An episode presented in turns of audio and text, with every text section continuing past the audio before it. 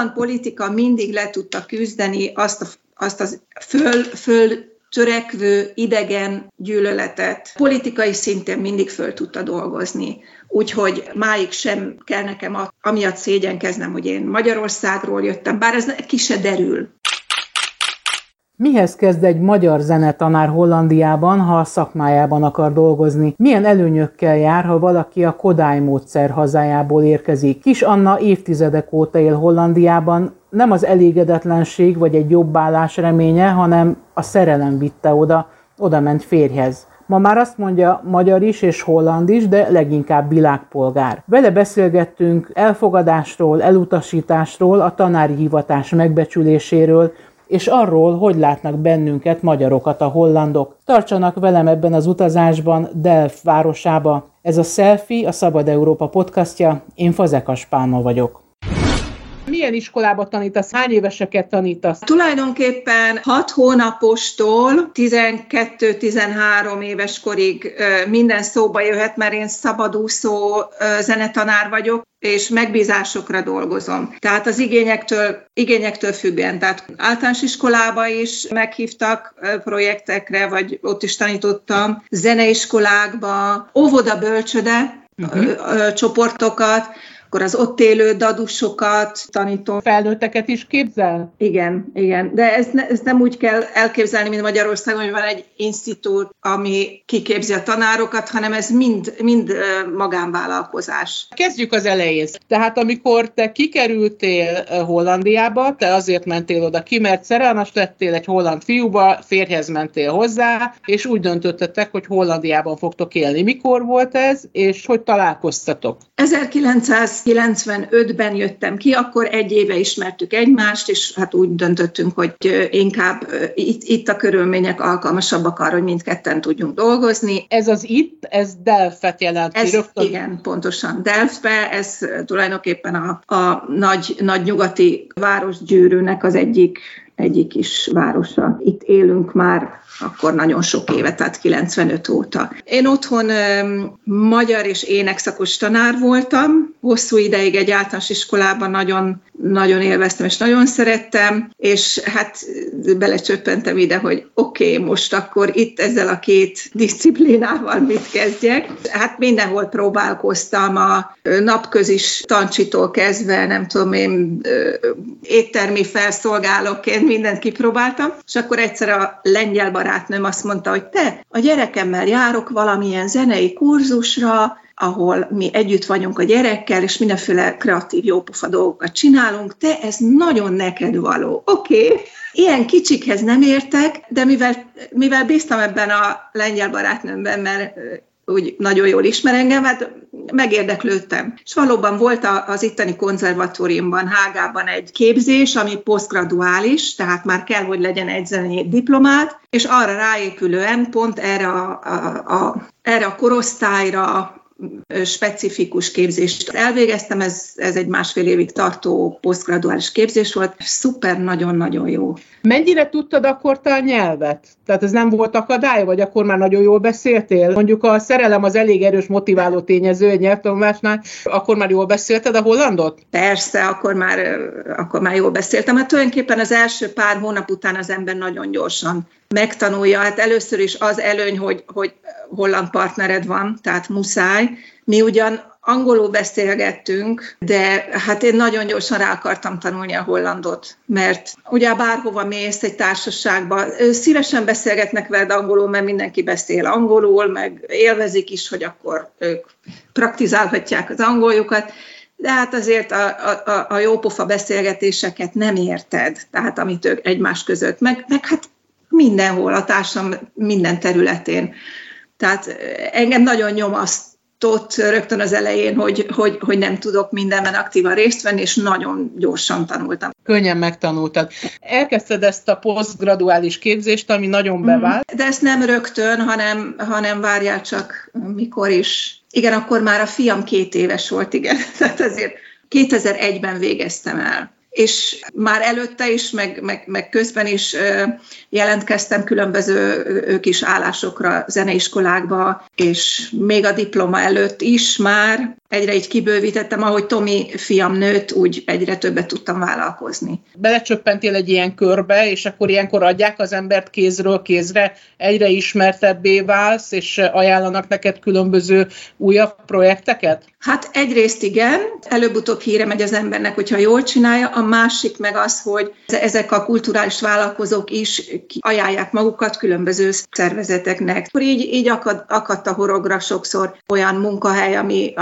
még az utolsó évekig is végigcsináltam, és nagyon jó volt. Tehát ha az ember tényleg jól csinálja, és ott van mindenhol, akkor, akkor, akkor nagyon sokat lehet ám dolgozni az, hogy te Magyarországról jöttél, ugye a zene az egy, az egy nemzetközi mhm, nyelv, uh-huh, azt, uh-huh. azt mindent megérték, és mégis ugye ez Bartók és Kodály hazája, ez uh-huh, előnyt jelentett. Uh-huh. Volt valami plusz ahhoz képest, amit te letettél már szakmailag a tudásod alapján az asztalra? Tehát másként fordultak hozzád? Hát nem fordultak hozzám másképp, mert, mert itt teljesen demokrácia és egyenjogúság van, és a teljesítmény alapján ítélik meg az ember, tehát nem volt semmiféle se pozitív, se negatív előítélet. Ők nagyon értékelik a Kodály módszert, próbálják is beintegrálni, de ebbe a rendszerbe nem lehet. Az rettenetes nagy előny volt, hogy, hogy ez a, a, a zenei képzés, az én Kodály zenei képzésem, az olyan alapos és olyan olyan jó bázis, hogy erre rátanulni dolgokat nem probléma.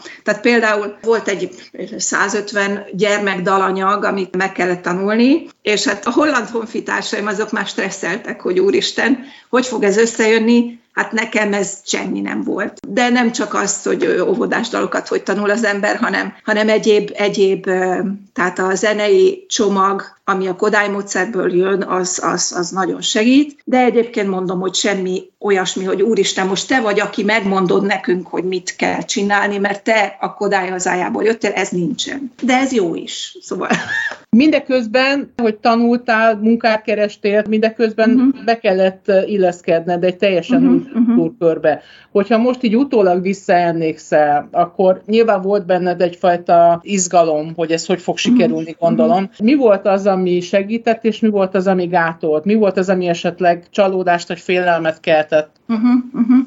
Hát az, hogy, hogy az embernek holland partnere van, és egy holland közegbe csöppen bele, azt egyrészt segítő is, mert felgyorsítja az integrációt, és egy csomó mindent jobban látsz, azért, mert van egy partnered, aki ezt elmagyarázza, hogy melyik szokás, melyik anomália honnan jön. Ugyanakkor, ugyanakkor lelkileg azért megterhelőbb is az elején, mert ha például egy negatív dolgot tapasztalsz, akkor ha, ha, ezt, ha ezt elmondod a partnerednek, akkor végül is azzal a kritikával őt is bántod. Tehát ez, ez, ez az elején nagyon sokat ilyen szempontból úgy hát nem vitatkoztunk, hanem voltak ilyen kis megbántódások, amiatt, hogy ugye nyilván én a, a, a holland mentalitásban először észreveszed azt, ami jó, ez más, hogy fogom csinálni, meg, meg egyáltalán jó ez, akkor ezt lereagálod a partnernek, és ő nincs veled, ha ezt egy magyar embernek mondod, mert ó, igen, én is ezt tapasztaltam, jaj, de rémes, stb.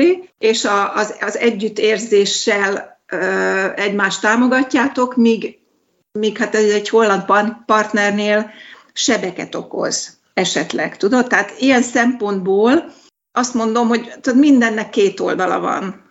De most így utólag ez jó, mert hát ha megnézem az olyan ismerőseimet, akik, akik magyar partnerrel élnek itt hosszú ideje, hát bizony nekik nagyon nehéz a, hogy mondjam, a, a integrációs, ők nem érzik magukat hollandak. Én most már hollandnak is érzem magam. Hollandnak, magyarnak és világpolgárnak, ha így tetszik. Milyen a bevándorló lét? Mennyire nyitottak a hollandok? Neked is azért ezzel valamennyire meg kellett küzdeni, hiszen nincs rád írva, hogy kérem nekem holland a férjem.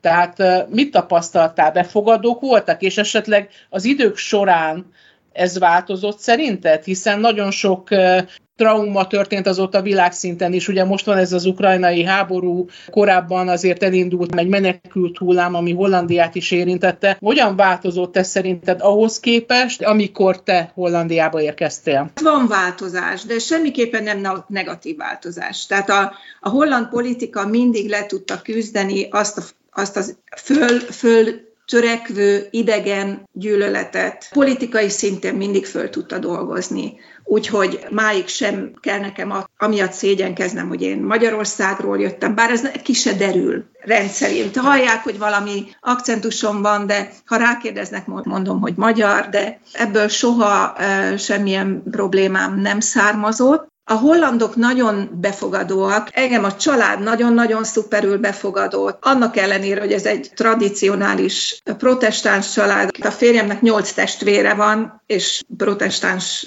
vallású szülei. Soha nem hallottam azt, hogy én honnan jöttem, meg ki vagyok, meg teljes mértékben befogadtak. A munkahelyemen semmilyen problémám abból nem volt, hogy magyar vagyok, sőt, ott is rengeteg idegen van. Én egy egyetemi városban élek, aminek nagyon nagy az internacionális vonzásköre. Tehát rengeteg sok külföldi gyerekem, külföldi anyukákkal, úgyhogy ő, ő nekik eleve ez a nemzetköziség, ez, ez, ez nem probléma, ez teljesen normális. Azok a feszültségek, amik vannak külföldiekkel kapcsolatban, az az, hogy ez egy szociális probléma. Hollandiába. Tehát nem azzal van a probléma, hogy ők kik meg honnan jöttek, hanem az, hogy hogyan tudnak beilleszkedni. Inkább ezt mondanám nemzetközi hírű egyetemi városban élsz, és oda integrálódtál be tulajdonképpen, amikor kimentél uh-huh. Hollandiába. Te világpolgár vagy, nem csak holland és magyar, de ugyanakkor nagyon figyeled a magyar eseményeket, a magyar uh-huh. történéseket, és részt is veszel bennük, hiszen legutóbb akkor beszéltünk, amikor te magad is elmentél, és éltél a választás jogával, ugye, és szavaztál. Milyen szinten foglalkozol a magyar eseményekkel? Mennyire engedett be, vagy tartod tartod magad távol tőle? Hát jó kérdés.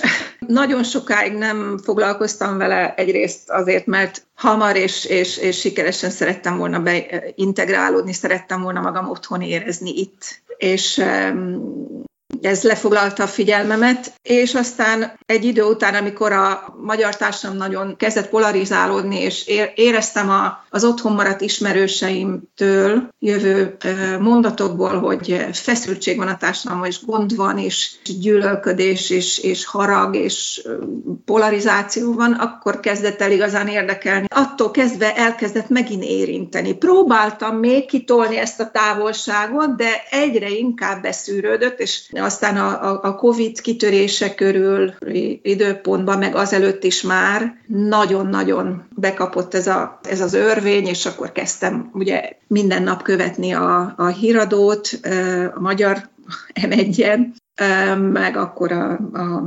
alternatív televíziónak a programját is, és hát rettenetesen megvisel, megmondom őszintén. Szóval szerintem sokunkat, akik így kint élünk, ez, főleg ez a, ez a polarizáció és a gyűlölködés, és ez, a, ez az irány, ahol, ahova most Magyarország úgy bekerült a nemzetközi politikai életben is. Nyilván van sok holland barátod, akiknek mm. rajta keresztül is van képe a magyarokról, a magyar társadalomról, kultúráról, országról. Beszélgettek Magyarországról? Ők érzékelnek valami fajta változást? Képben vannak? Meglepő a dolog. Én mindig azt hallom a, a, a magyar oldalról, hogy hogy a nyugat és Brüsszel és nem tudom én, az itteni nyugati világ hogyan fordul Magyarország ellen, hogyan tele van a média Magyarországról szóló cikkekkel, stb. stb. Én ezt nem tapasztalom. Tehát a, a cikkek igen, megjelenik, de hát megjelenik Csehszlovákiáról, Cseh, bocsánat, Csehországról is, Lengyelországról is elemző cikk, tehát ez, ez, ez nem, nem csak Magyarországnak szól. Vannak olyan barátaim, akik erre érzékenyek, például egy, egy sógornőm az részvétét nyilvánította ki, amikor az újabb választási eredmények megszülettek, de hát azért, mert ő jobban belelát a dolgokba. Miért tartottad fontosnak, hogy elmenj szavazni? Mindig elmentél szavazni? Hát tulajdonképpen nem, nem. Azért mentem el most szavazni, mert most tudtam, hogy, hogy most az a, az a féle progresszív gondolkodás, amit esetleg én képviselek, az annak most igazán hangot kell adni, illetve támogatásra van szükségük. Tehát tudtam, hogy mindenképpen el kell menjek. Te tanárként, hiszen itt Magyarországon is fiatal pedagógusként ugye do- dolgoztál, mielőtt kimentél, uh-huh, uh-huh. tehát az itteni tanárlétet is valamennyire ismered, az ottani teljes mértékben, hiszen a tanári karriered nagy része ugye ott zajlott, zajlik. Hogyan tudnád jellemezni a kettőt? Milyen helyzetben vannak a magyar tanárok, a tapasztalatai uh-huh, szerint, uh-huh, vagy nyilván, uh-huh. ahogy a híreket olvasod, hiszen most sztrájk is volt, és most egy, uh-huh. például a belügyi tárcához kerül az oktatás, és milyen helyzetben vannak ott kint? Hát nagy, nagy aggodalomnak követem most a, a pedagógusok sorsát, és, és együtt érzek velük, és nem is tudom elképzelni, hogy ha én most Magyarországon tanítanék, akkor hogyan érezném magam. Valószínűleg, hogy nagyon lesújtva és, és elkeseredve, az itteni dolgokról azt tudnám elmondani, én egy különleges helyzetben vagyok, mert én szabadúszó zenetanár vagyok. Mivel az itteni általános iskolákban nincsen szakos zenetanár, ezért ez egy teljesen magánvállalkozás, és, és ez egész más jellegű, mint valahol óraadó tanárként dolgozni, de mondjuk abban van belelátásom, hogy az itteni iskolákban a, a tanárok hogyan, hogyan élnek, hogyan élnek meg, és hogyan élik meg a tanárságukat, mert a férjem is középiskolában tanított egy jó darabig. Hát először is inkább a negatívummal kezdeném, hogy ne, ne tűnjön nagyon dicseklősnek a dolog. Meg kell küzdeni a nagyon-nagyon szemtelen és asszertív szülőkkel és gyerekekkel de ehhez már a képzésnél is hozzá, mankót adnak az embernek, mégpedig úgy, hogy mindig el tud magyarázni, szakmailag alá tudja támasztani, hogy miért döntöttél úgy, miért cselekszel úgy, miért csinálod.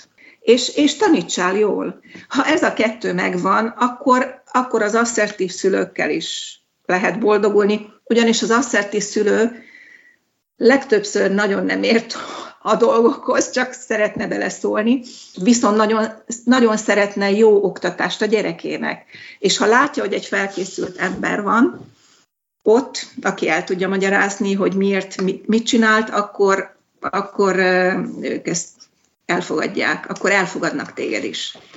A tekintélyelvűség, ami Magyarországon valaha volt a tanároknak, és most nem tudom, hogy hogy jár-e nekik a tekintély csak úgy azért, mert tanárok, az itt abszolút nem tapasztalható, viszont nem tisztelik a tanárt, hanem megbecsülik. Ez két különböző szó. És a megbecsülés az anyagi megbecsülés is, tehát jóval, hát egy, egy, egy négy, négy napot tanít, tanító tanár, férfi, ha van mellette egy nő, aki három napot dolgozik esetleg, akkor abból azért két gyereket föl lehet nevelni úgy, hogy lakással mindennel, tehát a fizetés is jobb. Tanárok jól érzik magukat itt Hollandiában. Tehát az a fajta, én Magyarországon mindig tapasztaltam egy ilyen Jaj, a tanárok, mert hogy ő nekik olyan sok a, a szünidő, meg a tanár, az tulajdonképpen alul képzett, meg a tanár így, a tanár. Ez itt, hál' Istennek, nincsen.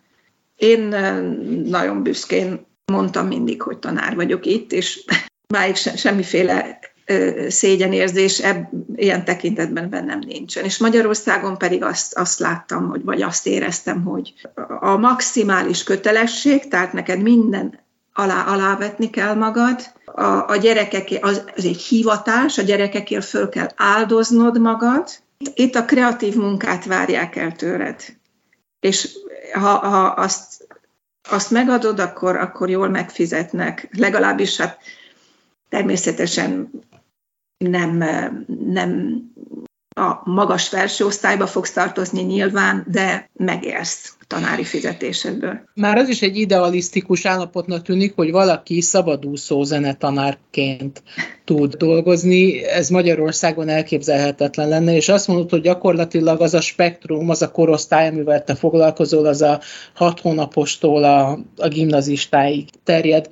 Ennyire fontos a művészeti képzés, ennyire fontos a zeneoktatás, vagy azzal függ össze, amit az imént említettél, hogy egy kreativitás segítő szemlélet, fejlesztő szemlélet van az oktatásban? Hát ez nagyon érdekes, mert ez, ez folyton, amióta itt élek, foglalkoztatott, hogy most mi a jobb, ami Magyarországon a zeneügyében, hogy egy általános iskolába kerülő gyerek kétszer egy héten szaktanárral zeneórája van, vagy pedig ez a fajta, amit Hollandiában van, egész más a zeneórák stílusa is. Tehát itt az a felfogás, hogy a zene, a zeneóra, a zenével való foglalkozás az általános iskolában és később is egyfajta kreatív foglalkozás, ami gazdagítja az életedet. Tehát nem teljesítménycentrikus. Ha nagyon tehetséges vagy, akkor az, az hamar kiderül, és akkor szigorú képzésben is részesülsz, de főleg a kreatív, kreativitáson van a hangsúly. Az, hogy Hollandiában a, a zenetanítás ügye fontosabb lenne, azt, azt én kétlem. Szavakban igen, ők nagyon, nagyon elismerik, hogy ez fontos, és ebben mások, mint, a, mint Magyarország, Magyarországon a köztudat, áh, zene, az kötelező, de nem kéne talán. Itt fordítva van, itt azt mondja, hogy nagyon-nagyon fontos, és főleg a kreativitás miatt, de nem fordítanak rá strukturális összegeket a, az alsó oktatástól.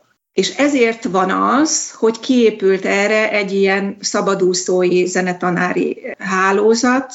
Nekem személy szerint jó, mert tényleg azt vállalok, amit akarok, és azt csinálok, amit akarok, idézőjelbe, meg ami, ami el kell. Tehát szabadságot ad valamilyen szinten. Szabadságot ad, ugyanakkor iszonyú sok munka, mert minden egyes felkérés vagy munkát specifikusan kell kidolgoznom. Arra az iskolára, azokra a gyerekekre, azokra a tancsikra, mert ott is az, az bele kell, hogy illeszkedjen az ottani rendszerbe. Úgyhogy rendkívül időigényes dolog. Azt hiszem, hogy motivációban sokkal jobb az ilyen rendszer, mert nem egy, egy rákényszerített zenei oktatásról van szó. Maga az iskola döntheti el, hogy na hát én megrendelek egy hat alkalmas workshopot ezzel a zenetanárral, a másik iskola úgy dönt, hogy ő nem. Tehát viszont mondjuk amit Kodály mondott, hogy a zene az mindenki, az itt nem valósul meg. Tehát a zene az, az azért főleg az elité, és az elit az nem feltétlenül a pénzt jelenti, hanem azokat a diplomás embereket, akik tudják, hogy mit jelent a zene, és a gyerekeket beiratják zeneoktatásra. Tehát nagyon sok gyerekes szerintem nem jut el a zenei oktatás, nem a zene, hanem a zene oktatása, az, az, az nem nyitott előttük.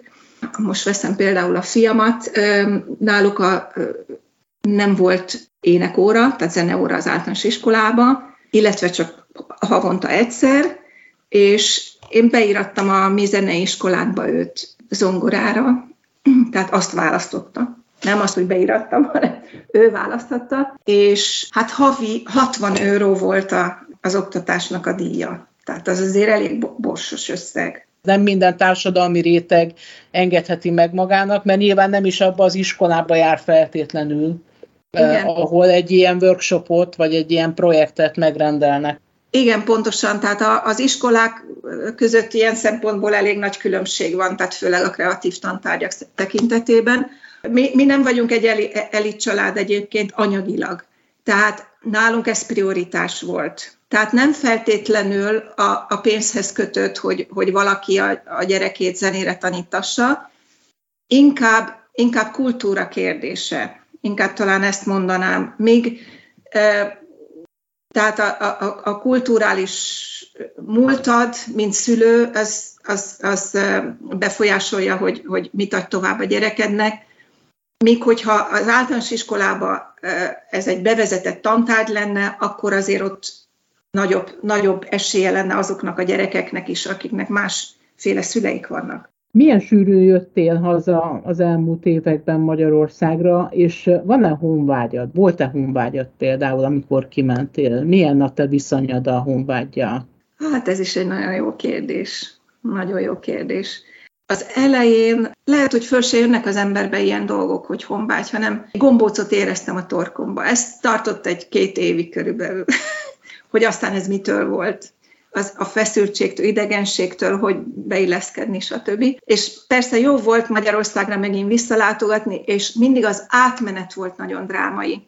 Tehát amikor megjelentem Magyarországon, akkor rám zúdult az összes, az a, az a magyaros intimitás, tudod, az a puszi és beszélj, és rögtön belelátok a vesétbe, és mindent mondjunk el, és stb.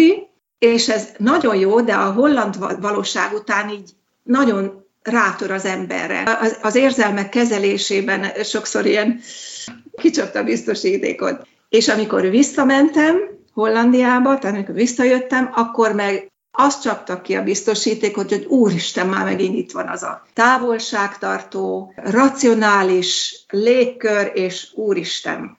Tehát ez az átmenet, ez mindig nehéz volt. A honvágy, ez egy, ez egy nagyon érdekes dolog. A honvágy az az, amit te már megéltél, arra vágysz vissza. Tehát ez teljesen irracionális, mert Magyarország teljesen megváltozott. Az emberek öregedtek, a, a, az utcák átalakultak, a társadalom megváltozott. Tehát arra nekem nem lehet vágyam, mert nem ismerem olyan jól, hát valamennyire ismerem. Tehát én tulajdonképpen a múltamba vágyom vissza, hogyha honvágyam van. De megmondom őszintén, nekem ilyen nem volt. Tehát, mert ha, ha én visszaemlékezem a gyerekkoromra, akkor az egy emlék, és az ott van. Tehát én magammal viszem azt, azt a Magyarországot, amit éltem Magyarországon. A Selfit, a Szabad Európa podcastját hallották. Fazekas Pálma vagyok, köszönöm figyelmüket, tartsanak velünk máskor is.